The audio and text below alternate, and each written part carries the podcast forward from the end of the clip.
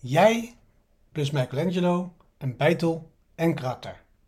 Boek Leading an Inspired Life van Jim Rohn. De legende gaat dat wanneer Michelangelo op zoek naar een blok marmer ging, hij bij het zien van het marmer het voltooide beeld al in gedachten kon voorstellen.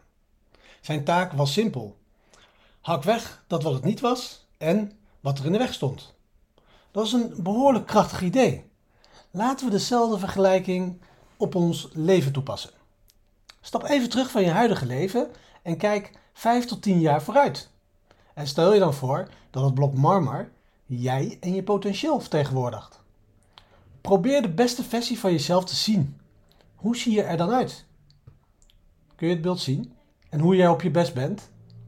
En nu? Wat staat er in de weg om die mooiste versie van jezelf consequent uit te drukken?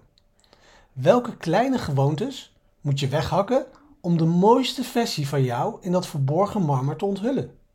En wat is een kleine gewoonte die we vandaag al kunnen loslaten om nog een klein beetje meer van je ideaalbeeld te onthullen? Fantastisch.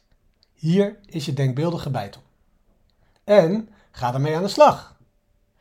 De gewoonte weghakken die de beste versie van onszelf in de weg staan, zodat we meer en meer verschijnen als wie we op ons best zijn, is een mooie metafoor. We kunnen dat idee doortrekken. Ten eerste, nog een etymologieles.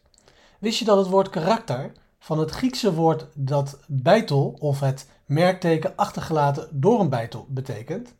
Tja, bizar hè? En stel je voor, ons karakter wordt gevormd door een bijtel. Eén keuze tegelijk.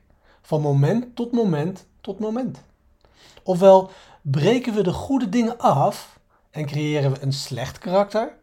Of chippen we de slechte dingen weg en creëren we een nobel karakter? Eén keuze tegelijk, van moment tot moment tot moment. De microles van vandaag is: laten we onze bijtels verstandig gebruiken en een personage creëren waar we trots op zijn. Laten we gaan kijken wat er gebeurt als we onze bijtels verstandig gebruiken.